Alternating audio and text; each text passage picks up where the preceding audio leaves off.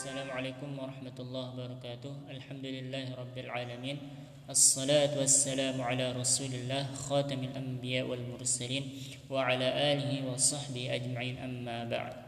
Alhamdulillah kita bisa ngobrol lagi di pagi hari ini Di 10 Ramadan 1441 Hijriah. Semoga kita selalu dalam keadaan sehat wal afiat Amin ya rabbal alamin Insya Allah hari ini kita akan coba menarik benang merah di antara empat kisah yang telah kita dengarkan pada episode-episode sebelumnya. Jika kita mendengarkan eh, episode-episode sebelumnya, kita akan melihat bahwa permasalahan atau sumber permasalahan dari umat Islam ini adalah pada tingkat keislaman umat Islam yang belum mencapai tingkat keimanan atau keimanan umat Islam yang masih rendah.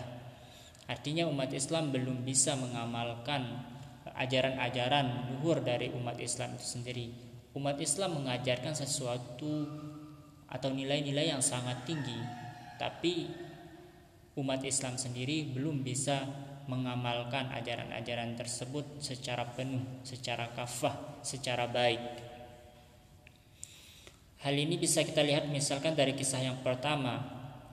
Islam mengajarkan untuk bersih Islam mengajarkan eh, umat-umat eh, orang-orang muslim atau umatnya untuk eh, menjaga kebersihan mempunyai atas kerja yang baik. Tapi apa? Ternyata malah yang mengamalkannya ini orang-orang non muslim ini membuktikan bahwa keimanannya atau pengamal ya, terhadap ajaran Islam itu masih rendah. Yang kedua atau kisah yang kedua juga e, yaitu kisah Amir Syakib Arsalan juga memperlihatkan bagaimana e, umat Islam ini mundur karena dia meninggalkan ajaran-ajaran Islam itu sendiri. Sedangkan memang orang barat itu malah e, maju karena meninggalkan agama mereka gitu. Terbalik dengan Islam.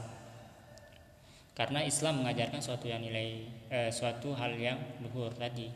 Sedangkan orang-orang Barat pada saat itu eh, keluar dari agama mereka yang notabene atau mayoritasnya adalah Nasrani dan eh, Kristen yang eh, banyak ajarannya bersifat dogmatis kisah yang ketiga juga senada. Eh, ketika Syekh Mutawalli Asy'arawi ditanya oleh orientalis kenapa umat Islam ini mundur?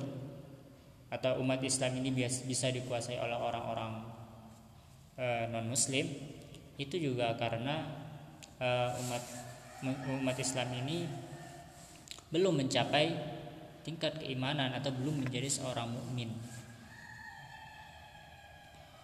Sehingga hal-hal yang atau ajaran-ajaran Islam ini belum bisa diamalkan dengan baik juga gitu. Kemudian yang keempat eh, ketika Dr. Hamid juga ditanya oleh Bang Nuim mengenai antusiasme yang tinggi di eh, di Indonesia misalkan untuk perayaan-perayaan perayaan-perayaan ibadah ritual seperti puasa, tarawih misalkan atau umroh.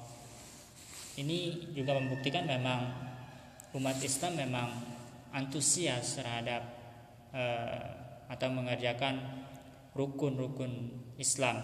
Namun hal ini belum bisa dihayati sehingga uh, masih banyak juga yang jadinya melakukan kriminal atau menipu misalkan berzina, korupsi dan sebagainya ini ini membuktikan bahwa apa yang dilakukan umat Islam ini masih sekedar dalam tanda kutip syariat yang belum dihayati, belum mencapai keimanan.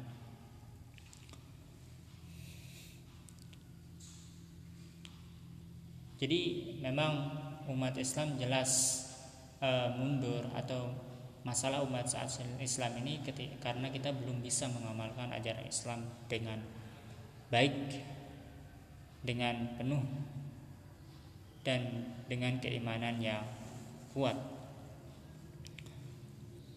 Oke, mungkin kita bisa uh, bisa lihat tadi benang merahnya seperti apa. mungkin saya cukupkan untuk uh, episode yang kelima ini semoga kita nanti ke depannya bisa ngobrol lagi dan uh, membahas topik-topik yang lebih menarik insyaallah. Assalamualaikum warahmatullahi wabarakatuh